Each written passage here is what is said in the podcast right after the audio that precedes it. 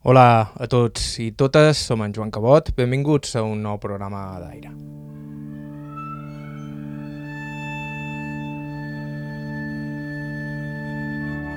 La protagonista del programa d'avui és un espècimen típicament formenterer, encara que també és una pionera. Va arribar a l'illa quan encara hi havia ben pocs turistes i se'n va enamorar de manera tan profunda que quan de jove va emigrar a França a fer feina, tot el que estalviava o invertia en el seu somni, tenir una casa a l'illa. Ella és valenciana, es diu Consuelo Dolçà, i la vàrem entrevistar al centre de dia de Sant Francesc Xavier. I dona gust sentir-la parlar, tant de la seva infància en un barri popular de València, com de França els dies de maig del 68, com de sa mare fadrina a mitjans dels anys 70, just després de la mort de Franco. La seva història, en Formentera de fons, és també un paradigma d'aquells primers pobladors forans de l'illa, aquella gent que hi arribava per casualitat i s'hi quedava per fascinació. Per ella, diu, Formentera era una obsessió i mai ha deixat de ser. Estau escoltant Aire a Ivetra Ràdio, es parla Joan Cabot, començam.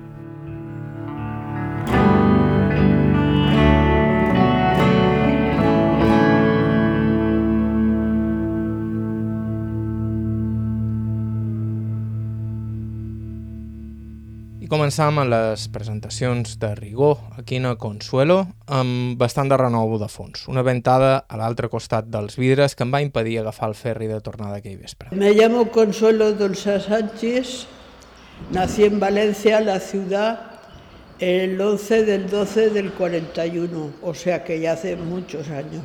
I tota la seva família era valenciana, 100%. Toda la familia, sí, tanto por parte de mi madre como de mi padre. Mi padre fue metalúrgico y cuando ya era yo un poco mayorcita se estableció en, en, la vivienda donde vivíamos, en la planta baja, vivía una tía. Al final de la casa había un patio, que de hecho había hasta un árbol, y había como dos cuartos. Parecía una casita de campo porque estaba todo rodeado de macetas el árbol y era como una vivienda que tenía un piso, o sea, una planta baja y un piso. Y allí se estableció, le pagaba un alquiler a su tía y allí de su trabajo se estableció por su cuenta.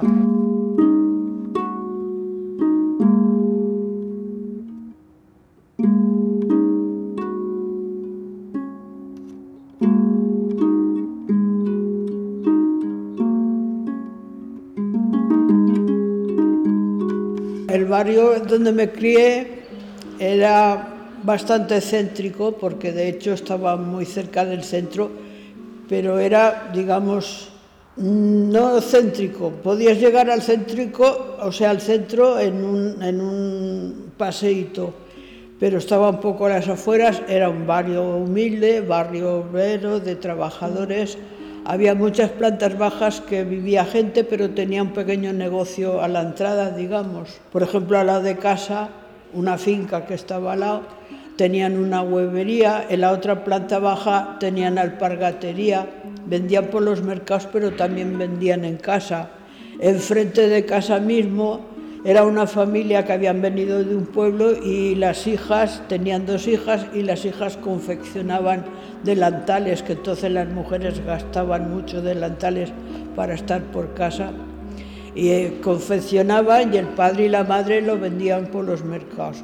En la otra planta baja había un carpintero, la otra, o sea que era un barrio muy obrero. A lo mejor el marido trabajaba, yo qué sé, de carpintero y la mujer tenía en casa una máquina que, que recosía cremalleras y descosidos de, de... Todo el mundo no tenía máquina de coser y había cosidos que hacía falta con fuerza, ¿no? Sobre todo ella cosía mucho cuero. Me refiero yo que tenía la vivienda y al mismo tiempo negocio, bien la mujer o bien el marido, en la misma vivienda. I la seva mare també era una d'aquelles dones coneguda en el barri per ser la que arreglava les al·lotes quan s'havien de casar. Bueno, mi madre era una mujer extraordinaria, una mujer muy guapa, que era conocida en todo el barrio porque si se casaba una chica, mi madre la, la, la peinaba, o si una chica se, O sea que lo mismo peinaba, que cosía, que bordaba, que hacía de todo. Y era muy conocida en el barrio porque siempre hacía de todo. Bueno, la mayoría de mujeres en aquella época hacían de todo. Porque me acuerdo yo que antes de Navidades ya hacían los licores. Había una bodega cerca y compraba alcohol y compraba extracto de no sé qué y extracto de lo que hacía en casa y hacía licores y hacía coñacs para Navidad. Y luego las pastas típicas de, de, Valencia, que eran unos pastelitos rellenos de moniato dulce, unos rollitos de anís, incluso llegó a hacer turrones comprando los ingredientes, se podía hacer todo en casa. Por Semana Santa, las monas de Pascua típicas de Valencia, y, así todo el año. si íbamos a algún pueblo, que había las fiestas de algún pueblo, pero cerquita, con tranvía, ¿no? A lo mejor, como era la fiesta, pues los comercios abrían, aunque fuera domingo. Y yo me acuerdo que compraban longanizas y botifarras, que era muy típico de Valencia, y lo traían y entonces lo freían y lo ponían en, en, tinajas con aceite y eso duraba un montón de tiempo. La carne era más barata en el pueblo y era mejor. Cuando era el tiempo de las olivas, compraban olivas y ponían una tinaja de olivas de estas partidas, hacían conservas de tomate, cuando era la abundancia de tomates, conservas de judías verdes, o sea que aprovechaban todo, todo, todo para, para, para secaban pimientos, secaban, o sea que era vivir al día, pero, pero siempre pensando en, en ir acaparando cuando los precios estaban más bajos para tener más adelante de, y eso era, eso era de sobrevivencia. Luego, claro, cuando mi padre se estableció, mi madre ya le ayudaba. Ella siempre había trabajado en casa, que yo me acuerdo que era muy pequeña, unos seis años, y ya la ayudaba, porque era cosas de pasamanería, que era de, de nebrar hilos y, de, de, y ella hacía unos flecos, trabajaba en casa, digamos, para afuera y mi padre ayudaba a cortar porque cuando había que cortar había que echarle fuerza, entonces la abuela también, nos hemos criado con mi abuela, la madre de mi madre, y con un hermano, o sea que éramos cinco de familia. Y bueno, bien, por Reyes era una fiesta porque nos traían de todo, no porque compraran, porque mi madre a lo mejor en un duro de entonces compraba una muñequita de aquellas de cartón pero le hacía un primor de vestiditos, de, gorritos, de, zapatitos, y a lo mejor con un duro tenía yo allí media mesa llena de cositas para la muñeca. Y mi padre, que en realidad era artesano, trabajaba al broce, pero era artesano, a mi hermano le hacía unos juguetes increíbles. Compraban una bolsa de soldados de aquellos de goma, de indios y de vaqueros, pero le hizo un año un fuerte como media mesa de estas con la torre para los vigilantes, con los indios que atacaban, en fin, que con poco lo, lo, lo crecía. A més, aquells eren els anys immediatament posteriors a la Guerra Civil, temps d'estrators, de fam i de cartilles. Bueno, yo nací en el 41, se puede decir que de la guerra no conozco nada, pero de la posguerra yo me acuerdo de las libretas de racionamiento, entonces de las tiendas de comestibles que había por el barrio, que había varias, pero así, la entrada era la tienda y la trastienda era la vivienda. Y entonces decía el Casa Julio han traído aceite y entonces iban las mujeres con la libreta. Mi madre, para no perder tiempo, me, dejaba a mí en la cola, porque habían colas desde el barrio, claro, pero que ha traído arroz y hacías cola para sacar a lo mejor un cuarto de kilo o medio kilo de arroz, un cuarto medio litro de aceite, Luego en otra casa también lo mismo, el marido tenía tierras cerca de Valencia y por lo visto tenía vacas y me acuerdo yo que iba a comprar la leche, o sea, antes de que se hiciera de noche, venía el hombre que había veces que estabas en la lechería y aún no había llegado y lo veías que llegaba con un carro con una mula, bajaba las, las jarras grandes de leche, la mujer empezaba a escudellarte en una leche que ya llevabas, Yo me llevaba porque era mi hermano y yo, éramos dos críos, entonces bebíamos leche, casi todos los días tenía que ir a comprar, y calentita, o sea que te la ponían en, en, la lechera, que era como una jarrita de aluminio con asa, y, y calentita, calentita te la llevabas a casa. En otro sitio era la carnicería, en otro sitio que el mismo barrio, sin salir casi del barrio, había al final de la calle había un horno, o sea que eh, en el otro final del otro estaba la farmacia, o sea que era un barrio que había muy barrio, muy pueblo, porque me acuerdo yo que en verano la gente acostumbraba a cenar pues de bocadillo, aunque fuera caliente, que fuera una tortilla francesa, pero caliente.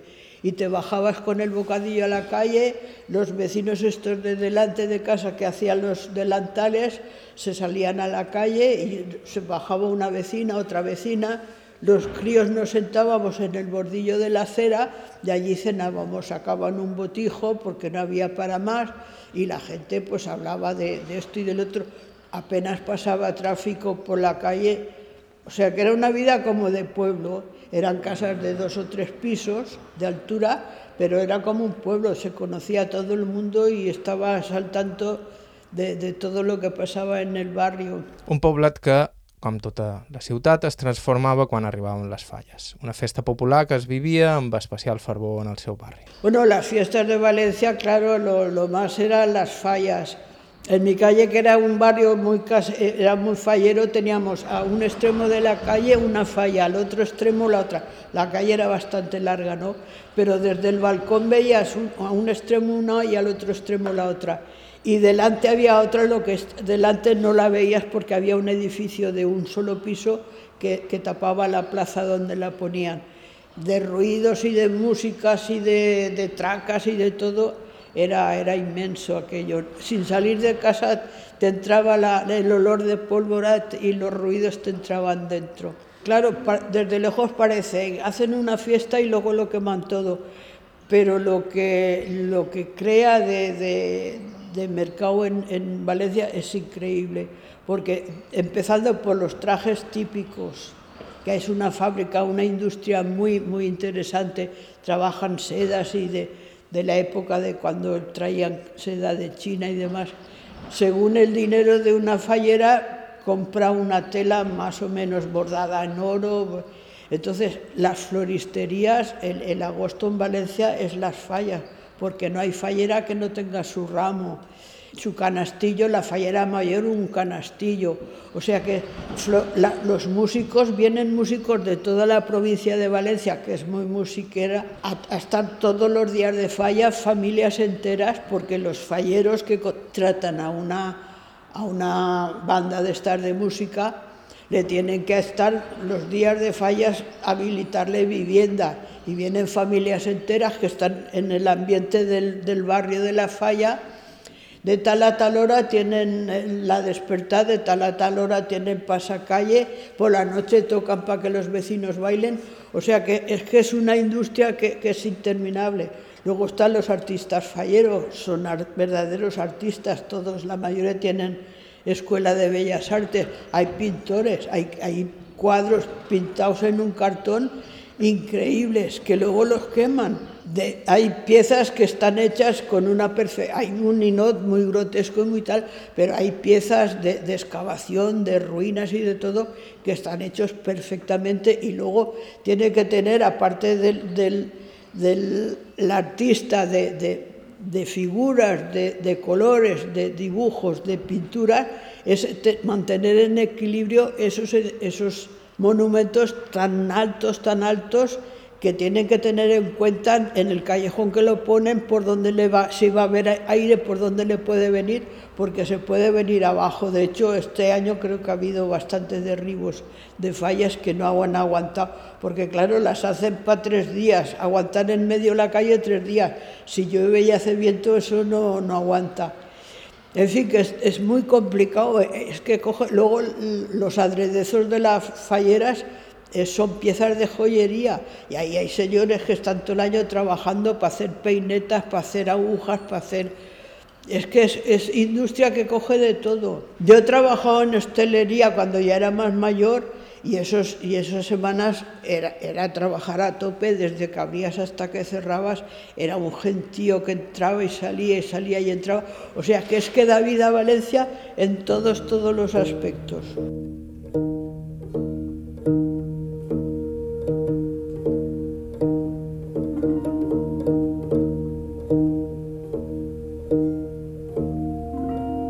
Ser per casualitat que la família d'Anna Consuelo, tan valenciana ella, va arribar a Formentera per primer cop. El motiu, un esport que devia practicar ben poca gent en aquella època, la pesca submarina. Formentera llegué, no lo recuerdo exactamente, pero yo calculo que llegué a mediados, o sea, a principios de los años 50.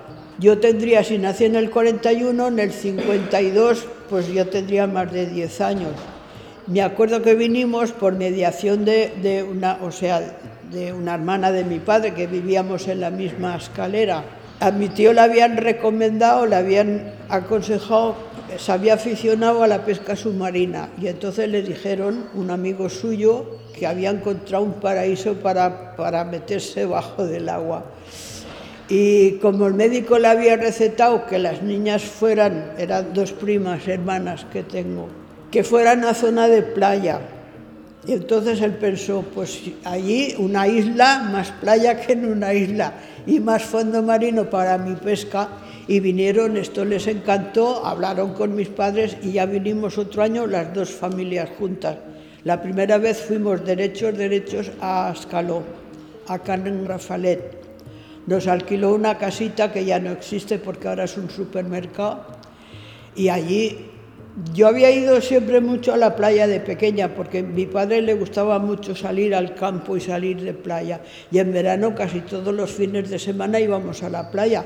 Estamos a 8 kilómetros, la ciudad está a 8 kilómetros. Cogías el tranvía y en poco más de una hora estabas en la playa, a pie de playa, porque había una línea que te dejaba a pie de playa y, estaba muy habituada al, mar y a la playa y todo eso, pero llegar a Escalo y salir de Rafalet y, y verte todas las plachetas, toda aquella... es que era, era no sé qué, no sé qué me pasó que de verte aquella playa que era para ti sola y nos bañábamos en el mismo escalón porque ahora es muy últimamente era muy peligroso porque siempre hay barcas que entran y que salen, pero en aquella época los pescadores se iban al sol puesto y venían al amanecer con las redes, claro, teníamos todo el día allí pescábamos, allí allí nadábamos, allí todo el día allí en, el mollet de Escaló. Nos íbamos a Michor, hacían bocadillos y cosas para irnos a Michor, para irnos para aquí, porque tenía que ser a base de ir andando.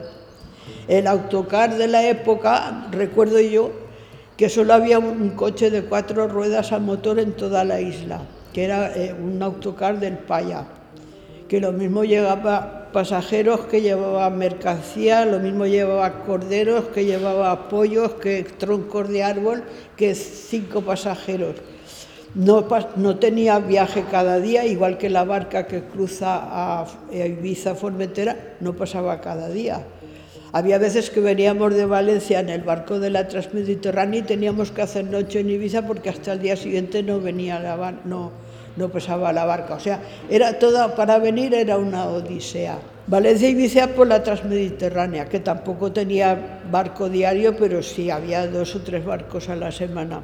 Cuando vine yo la primera vez, eso sí que me acuerdo porque estuvo mucho tiempo, solo había cuatro casas. En tres de ellas vivía gente y en una había sido un almacén, dice que había sido una destilería de hierbas ibicencas, pero yo la destilería no la llegué a conocer lo que era la nave, porque era una nave muy alta de altura y muy grande, el avión lo utilizaban los pescadores para dejar sus cosas, redes, remas, faroles de estos que gastan para la pesca. ¿Y cómo era la gente que vivía por allí? Era un encanto, era un encanto porque eran serviciales, eran, te lo daban todo, eran... Claro, solo había tres casas habitadas, una era Rafalet, que ya tenían una pequeña tiendecita como de comestibles y un barecito y alquilaban pues habitaciones y, la casita esta que tenía dos habitaciones nada más. Y luego estaba la casa de Campanís, que ya no existe ni, el marido ni la mujer. Había otra casa que está de espaldas al Mollet, que es la única casa que tenía entonces piso, que eran dos señoras, las dos Marías las llamábamos, que eran dos hermanas que vivían solas. Entonces ya no había nadie más. Rafael, la, casa de, las Marías que le decíamos entonces, y la casa de, Vicente y de Margarita. Ya no había más nadie. Antes que llegaran los turistas, antes que llegara nadie, sí. Venía, en aquella época eh, había ahí en Escaló, le habían dado pensión, un americano que había sido campeón de, pesca submarina. Y me acuerdo yo que, pero por allí cerca de, Escaló, no se fue ni con barca ni nada, trajo un mero pescado a fusil que hay una foto que la tienen mi tía y mi madre, la tienen así atravesado con un palo y lo tienen eh, y, toca con la cola en el suelo. Y, o sea, o sea que era, era, inmenso para nosotros, nos parecía un monstruo el bicho aquel y lo había pescado por allí cerca de, Escaló.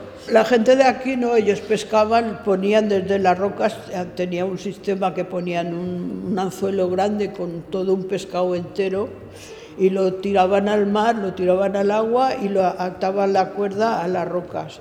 Lo ponían así al sol post y por la noche que se supone que, o por la madrugada, los peces grandes van a comer por la orilla y se enganchaban y los, y los sacaban desde, desde las mismas rocas. No me acuerdo cómo se llama este tipo de pesca. Pescaban, por supuesto, con las barcas de todo tipo, con redes, con, con unas trampas que hacían una especie de, de, cestos grandes con una especie de, como si fuera junco, pero así de a fusil no, no había nadie que pescara de aquí.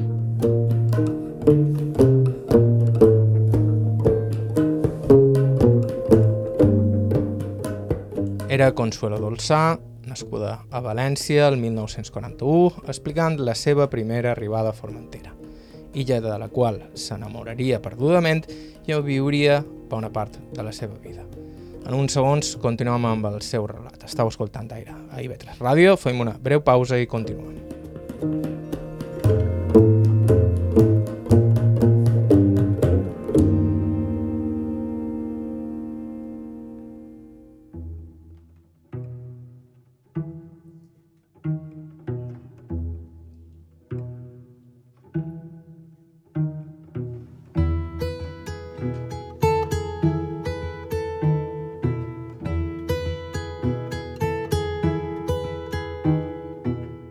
Tots i totes, benvinguts de nou. Això és Aire i Vetre Ràdio, vos parla Joan Cabot. Abans de continuar, aprofitant per recordar-vos que la millor manera de no perdre's cap programa és subscriure's al nostre podcast i que a ivetres.org barra carta hi trobareu tot l'arxiu del programa. Avui nosaltres som de nou per Formentera, on vàrem entrevistar Consuelo Dolçà, valenciana, nascuda el 1941, però formenterera d'adopció. De fet, el de Formentera i no Consuelo va ser més que una història d'amor, va ser una obsessió, com diu ella mateixa, tot i que al principi no venia a passar a l'illa tots els estius. Cada año no, vinimos otra vez, eh, la otra vez que volvimos, mis tíos sí que vinieron cada año, pero nosotros, a mi madre eh, era un, eso de no poder ir a la compra al mercado cada día, que no había literalmente nada para comprar Teníamos que ir al Sol pues, por un camino que habían hecho a fuerza de andar de Escaló a una casa que está en el centro de la isla, que, que es Can Carlos. Y íbamos los, la, las, las, madres, o sea, y los, y los cuatro nanos por el senderito aquel del bosque antes que se hiciera, que nos diera tiempo de ir y volver a comprar leche. Tenían una vaca. Entonces, cuando llegaban, nos la ardeñaban, nos llenaban allí los, las lecheras y claro, te, vendían uvas, te vendían higos, te vendían los huevos, los vendían de dos en dos. Entonces, algún pollo compraron, me acuerdo yo, pero luego había que matarlo. Y yo una vez sujeté un pollo de las patas para que mi madre lo... Y aquel, aquel, yo dije, nunca más seré capaz, antes comer el lechugas de por ahí, que, que tendré que matar un animal para comer. Y bueno, pasaban así. En la otra vez que volvimos, cuando ya pasaron unos años y mis padres ahorraron un poco, porque era todo una odisea venir, entre barcos y barcas, y ya habían hecho la fonda Miramar que está en, en Escaló. Y entonces ya estuvimos en la fonda, pero solo habitación. Cocinábamos allí fuera en el, en el bosque, allí al lado de la fonda, allí en el, con dos piedras, allí estilo y así. Luego mis tíos compraron un terreno, hicieron una casa, luego ya estuve viniendo a casa de mis tíos y como había estado en Francia trabajando cuando fui a los 19 años, pues decidí irme a Francia, era la época que estaba muy de moda salir al extranjero para ganarse la vida bien, porque se ganaba mucho y tal y que cual. Me marché a París, nada más cumplir los 19 años en el 61 el día 1 de febrero del 61 crucé la frontera, lo tenía cuñado yo en el pasaporte a París. Ya tenía trabajo buscado y gente que me, me acompañó para ir y me habían encontrado trabajo. Entonces tuve casi ocho años, me regresé en el 68, después del famoso mayo del 68 en París. Regresé, allí lucía mucho lo que ganabas porque ganabas y no gastabas literalmente nada. Porque yo trabajaba de cocinera en una casa. Entonces te daban vivienda, te daban el uniforme para trabajar, me daban mucha ropa porque tenían una hija que era un poco mayor que yo. Todo lo que ella ya no quería, yo iba vestida como una parisina. Entonces, claro, venían muchos invitados porque era una gente de muchos invitados, siempre te daban alguna propina y con esas propinas, si ibas un día al, circo, al cine o al parque, o cogías el metro para ir al parque, te sobraba con las propinas para comprar sellos para escribir a la familia. Y entonces el, el, el, sueldo era íntegro todo lo que ganabas para mandar para aquí. Primero fui yo y luego vinieron mis padres. Y vino también mi hermano, cuando terminó con la mili y eso vino y estuvo viviendo con mis padres. Yo vivía sola porque allí te daban, con el trabajo te daban vivienda. Claro, un mes, nada más llegar a París sin saber hablar nada y sin saber ni pelar una patata, porque había unos peladores que tenía que saber cómo se pelaba, cada mes ganaba más de tres meses en Valencia. Claro, una cosa así que lo, tal como lo ganas, lo ahorras, que no gastas nada, porque yo en todo el tiempo que he estado en París no he pisado una peluquería, ni una tienda de, de cosméticas, ni una tienda de ropas, porque también había supermercados, había, que había ropa y calzado y de todo bastante barato, pero yo no sé lo que es meterse en un sitio, ni en un cine de estreno, ni en un teatro, ni nada, todo era para ahorrar y para mandar aquí. Como tenía esa obsesión con Formentera, a mediados de los 65 compré un terreno en Escaló, di, di poderes a un albañil que ya de allí, de, del mismo Escaló, y él, fue la primera casa que hizo como, digamos, como jefe de obras, porque él había sido campesino y pescador, pero ella había trabajado en la obra y entonces esa fue la primera casa que hizo como jefe de obras, digamos se encargaba él de todo porque tenía poderes notariales y me fui, di órdenes de lo que, lo que quería poco más o menos y me fui a París y, todos los meses mandaba el dinerillo y cuando vine el otro año de vacaciones ya, ya pude entrar a vivir en mi casa. Y la tengo, ya tengo casa propia desde, desde mediados de los 60 ni estaba hecho Pascual, ni estaba hecho nada de allí de Escaló. Habían hecho alguna casa, había lo que es el maestro canmestre que dicen por allí, ya habían ampliado por aquí por allá, habían hecho más, más casas, sobre todo de extranjeros, pero poco más. Anar a treballar a França va ser una experiència transformadora, un canvi radical que li va obrir els ulls i li va permetre viure amb una independència i llibertat impensables a l'Espanya de l'època. Bueno, aquello sí para mí fue porque ya, cuando marché tenía 19 años, había trabajado en, en Valencia, eh, estuve trabajando de, después de ayudar a mi padre en el taller, cuando ya aquello ya cogió más, y entonces ya necesitaban más gente y tal, y yo ya no. Además era un un trabajo de, taller, era pesado y era duro. Y entonces mi primer trabajo fue en una cafetería. Estuve, sí, en una cafetería. Yo había tenido bastante libertad porque yo en la cafetería eh, teníamos turno que terminábamos a las dos de la madrugada. Lo que pasa es que nunca he ido sola. O me iba con un camarero que vivía justo al lado de mi casa, un tal Moreno, y que se iba acompañado por el jefe que vivía más lejos, pero tenía que pasar literalmente por allí. O me acompañaban ellos o si no venía mi padre a buscarme. Yo nunca he ido, he ido por ahí. Ni, entre semana te daban fiesta porque las fiestas y las vísperas de fiesta era imposible tener tú libre ese día.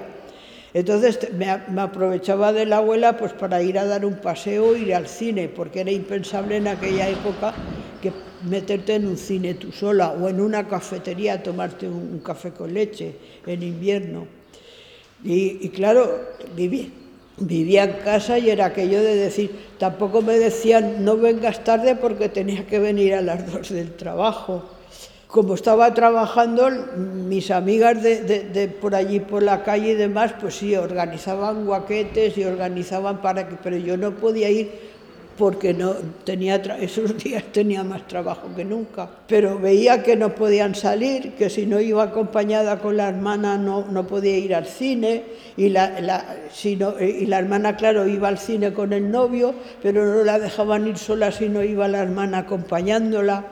Cosas de estas, que, pero te parecía normal entonces que no pudiera salir, una chica no podía literalmente hacer nada y porque enseguida que dirán los vecinos, mis padres eran bastante liberales, pero es que los vecinos hacían muchísimo, porque si no, tu madre no te decía nada, pero la vecina la dejas ir, la dejas venir, en fin, lo que pasa en los pueblos, porque en realidad era como un pueblo. Claro, llegas a París, vives sola, tienes la llave de tu habitación, te vas, vienes los días de fiesta, vas, vienes, nadie te dice ni a qué hora entras ni a qué hora sales.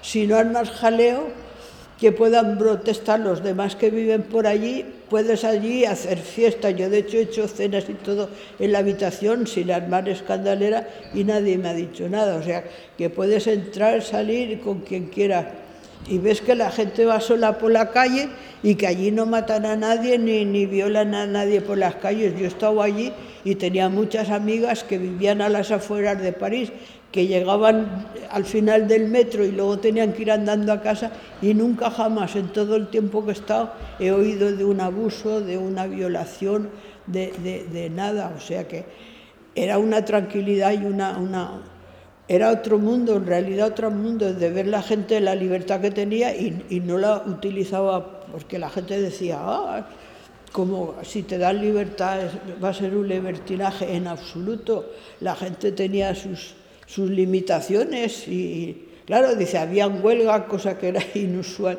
en España, hacían huelgas y hacían protestas de, por cualquier cosa, hacían, salían a la calle a protestar.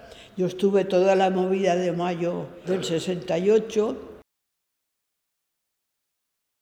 Sí que participé porque entonces estaba, aunque siempre he vivido en el mismo sitio, en la primera casa que estuve, eh, al lado de la habitación que vivía se alquilaron una, la habitación que había, al lado de la mía, justo al lado, al lado. Entonces la señora, de, la dueña de, de la habitación, alquilaba y entonces yo alquilé la habitación y entonces ya trabajé por mi, por mi cuenta. Por mi cuenta era lo mismo, trabajaba de cocinera, pero el hecho de tener la habitación tuya, pues podías elegir o si esto no te gustaba, cuando te, te daban habitación y te daban todo, era más difícil de protestar. Además yo me cambié sintiéndolo mucho porque estaba muy bien, muy bien, muy bien considerada, muy bien, muy bien pagada pero era una casa de, mucha gente, de mucho invitado y tenías comida para siete. Consuelo, por favor, ha, venido el señor, eh, Monsieur tal, Monsieur cual, ha venido mi hijo, ha venido a ver si... Y claro, era, era, era unos nervios continuos, continuos, porque allí a la una se comía y tú tenías que encargar de todo y si te venía alguien fuera de hora te, te, trastornaba por completo y hacía muchos nervios. En invierno hacía muchas depresiones con el clima. El invierno era muy duro allí. Entonces dejé la casa sintiéndolo mucho. Y mira, sí, sí estaba bien que cuando tenían alguna fiesta o algo me pedían si, si les podía ayudar, alguna, porque eran aficionados a hacer fiestas de ciento y pico de invitados, de cenas y de todo. Y me, me, me, mandaban avisos si podría ir a ayudarles y tal. Y luego he venido a España y he estado escribiéndome correspondencia con la señora a tiempo. O sea que conservamos, no me fui sino por, por cuestiones de, de, Y en la otra casa que estuve aún era mejor. Y esta casa estaba en la misma plaza de San Michel, que era en el centro del barrio latino. Claro, ahí toda la movida del 8 del mayo me pilló de, lleno con mucha emoción porque yo siempre me, he metido mucho en política y ver, pensaba que el mundo se iba a arreglar de aquello. Sí, con mucha emoción, saliendo a la calle, viendo cosas increíbles, porque era la Plaza San Michel, pero estaba en el primer piso. Te asomabas y veías las barbaridades. Aquellos guardias, aquello no era, yo siempre le he dicho, aquellos no eran guardias ni policías ni nada, aquellos eran tíos drogados que pegaban porros a todo lo que se movía, porque había gente mayor que pasaba en aquel momento por allí y le atizaban de palos hasta que se cansaban. Con una persona en el suelo, una persona mayor en el suelo y seguían atizando. Jo veia horrores des d'aquell balcó. Uns horrors que també existien aquí, amplificats, de fet, però que a ella no l'afectaven sobretot perquè aquí hi venia de vacances. Hombre, cuando venía contraste de España, ¿qué quieres que te diga? Venía encantada que venía de vacaciones, venía todo un mes de vacaciones, luego estuve viniendo dos meses y cuando ya tenía la casa, solo pensaba que iba de vacaciones. Pasaba unos días en Valencia con la abuela, trayendo regalos, dejando cosas que traía y volviendo a hacer la maleta para venirme a Formentera, ¿me entiendes? A França ella hi va estar. Desde el 61 hasta el 68.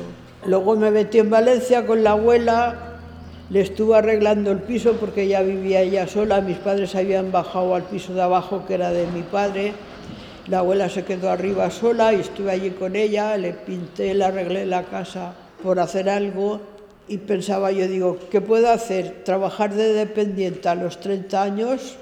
Buscar, siempre buscan gente más joven. Todas mis amigas, por mediación de mis primas, eran, la mayoría eran maestras de escuela, que se pasaban todo el verano de vacaciones. Decía yo, yo digo, me darán 15 días de vacaciones para ir a la isla y el resto del año ni, ni asomarme. Y empecé yo digo, ¿y por qué no veo? Aquí no había nada, literalmente. Yo digo, pues me voy a la isla y me, me, me establezco allí y vivo allí, porque era una obsesión lo que tenía yo con Formentera, era un amor desmedido por, por estar aquí, por vivir aquí. Entonces pensé de, de, venir aquí, pero claro, mi casa de escaló está dentro del bosque, aquello no es comercial metido en el bosque, es una casa pequeña. Entonces pensé yo, digo, pues hacer algo o comprar algo y poner una tienda. Estuve mirando de poner un bar porque sabía de cocina francesa y de tal, pero pensé que una mujer sola, pues si no es una familia que esté uno de camarero y el otro, pues tampoco tiene mucha, una mujer sola. ¿Qué haré, qué no haré? Yo pues una tienda de cerámica, que no había cerámica y en Valencia sabes que hay, es una zona de mucha cerámica, pues de souvenirs, pues cerámica. Compré un terreno, pedí permiso, hice una construcción y abrí una tienda en San Fernando. Y he estado 30 años hasta que me he jubilado con la tienda. ¿Qué es lo que te ha enamorado tanto de Formentera? Pues no lo sé, porque íbamos mucho al campo, íbamos mucho por los pueblos de fiestas, íbamos literalmente todo el verano a la playa. O sea que la playa la tenía, pero, pero me enamoró la isla, la tranquilidad, lo bonita que es, es una maravilla de paisaje. Cualquier recodo, cualquier caleta, cualquier peñasco, es una maravilla. Y en Valencia pues es más ciudad, igual que París, más ciudad, más monumentos, más calles, más gente, pero esto, esto era muy primitivo, muy natural, muy, han estropeado mucho con tanta edificación, tanta construcción, tanto cemento para hacer carreteras llenas de coches. Ten en cuenta que solo había un coche en toda la isla. Quizás también es el cambio de la gente. Antes ibas a una casa y enseguida te sacaban agua fresca recién sacada de la cisterna y te ponían un plato de uvas y te y, ahora la gente vive muy a cada uno a los suyos, negocios van que no tienen tiempo de, de contemplar lo que tienen de maravilla. Sobre la tenda de ceràmica, 30 anys donen per a molt. Al principi duia només ceràmica de València, però a poc a poc també va anar posant més i més souvenirs. Género de manises.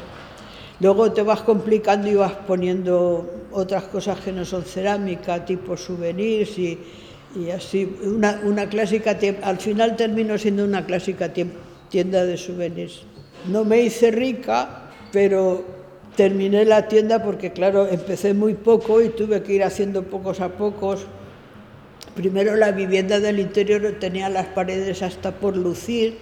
Un año pues terminaba de hacer por aquí, otro año hacía el cuarto de baño y así, así, terminé la tienda. Crié un hijo siendo madre soltera, que no, en aquella hace más de 45 años no era fácil. Lo saqué adelante, tenía mi casa en Escaló, lo que pasa es que como nunca he tenido coche, claro, vivir en Escaló y venir a San Fernando a trabajar a la tienda no me era posible. Entonces empecé a alquilar la tienda de la casa de Escaló. Entonces tenía la ayuda del alquiler todos los años más la tienda. Era muy curioso, sobre todo cuando iba de compras a para la zona de Manises e iba decía, ¿y, dónde vive? Yo digo, en, Formentera, ¿y eso dónde está? Y decía, yo digo, pues tenía que explicar, yo digo, en Ibiza, ay sí, en Ibiza sí nos suena, tenemos clientes en Ibiza. Yo digo, pues esto está a una hora de, barca de, eso. Y, muchas veces me mandaban el pedido al principio y, me, y me, luego me venía desde de San Fernando de Cádiz y, o sea que me, llegaban las cajas que ya habían salido de Valencia a San Fernando de Cádiz y cuando allí veían que no era Formentera me las mandaban para aquí. Me ha pasado más de una vez que me, han, ha llegado y tenías que explicar dónde era Formentera porque, porque no, no sabía. Ahora, nombrabas Ibiza y enseguida sí, poco más o menos sabía la movida de Ibiza, pero nombrabas Formentera y la verdad que no lo conocía. No. Los hippies, sí. Cuando empezaron así a venir, cuando estaba yo en Escaló, yo de Escaló salía poco. O sea que, como no he tenido coche, no he salido para aquí, para allá. Eh, cuando puse la tienda, estaba más pendiente de la tienda también que de salir. Claro, por, San Fernando había mucho hippie por la Fonda Pepe. Luego sí que tuve una temporada de hippies que fue en, La Mola, conocer a su personaje muy conocido en Formentera,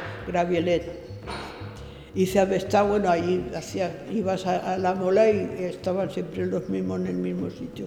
Estuve por su casa, conocí mucha gente muy interesante, por cierto, y eso fue la época, pero luego ya con la tienda parece que ya te apartas un poco de... Ya no te sientes tan hippie, te sientes una, una emprendedora, una, una comerciante ya I a més, mare, mare soltera, en un temps en què això era encara inusual. De fet, en molts llocs podía derivar en un auténtico escándalo. No, aquí no lo fue, aquí no lo fue. Quizás en Valencia a lo mejor alguna vecina se, se permitiría alguna, a mi madre decirle, ¿y cómo habéis permitido? Si tenía 35 años, fíjate, ¿cómo habéis permitido algo? No sé si mi madre, nunca hablamos del tema, habría oído algún comentario de algún familiar, de alguien o algo, pero aquí nadie me ha hecho el vacío nunca y siempre. Mi niño ha ido al colegio con los demás niños y nadie ha dejado de hablarme por eso. Tenía mi casa, tenía mi negocio, era independiente. Dices, 35 años se te está pasando el arroz, ¿qué haces que no haces? No es que fuera a buscarlo, fue algo que, mira, vino así, caído de, de no sé dónde y entonces pues dije, cuando el médico me dijo que fui a un médico en Ibiza, me hicieron hacer el, y le, me acuerdo yo que le llevé el sobre cerrado del laboratorio. Lo recogí en, una farmacia de Ibiza muy conocida que tiene el laboratorio y le llevé el sobre cerrado. dice, no lo ha abierto y yo digo, yo digo, no, lo abrió él, dice, sí es positivo.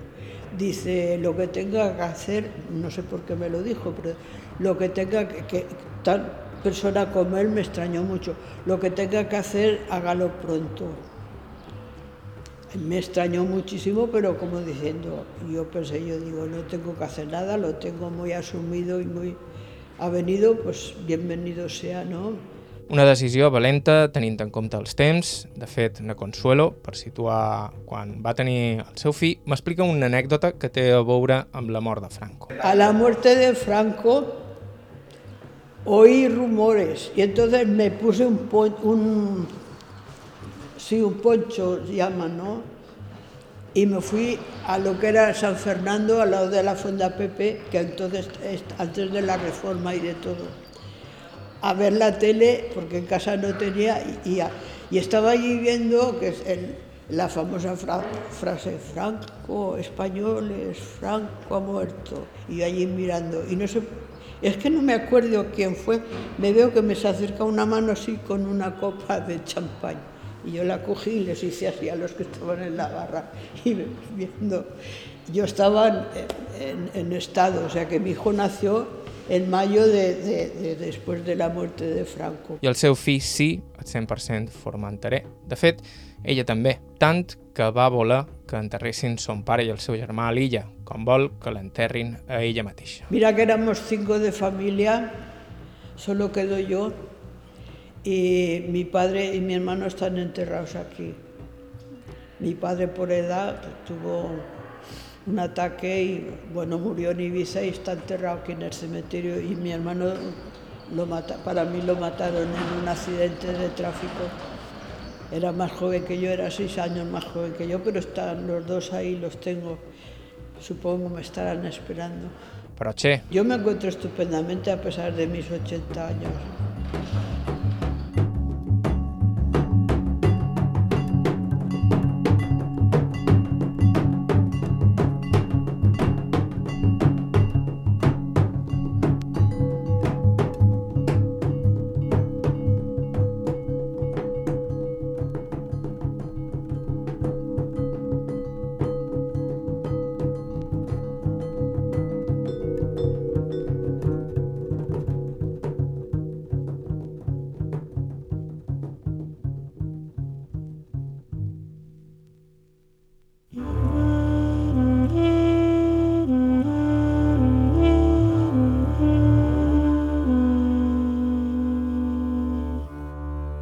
Fins aquí el programa d'avui. Moltíssimes gràcies a Consuelo Dolçà pel seu temps i amabilitat i moltíssimes gràcies a tot el personal del Centre de Dia de Formentera per la seva col·laboració i hospitalitat.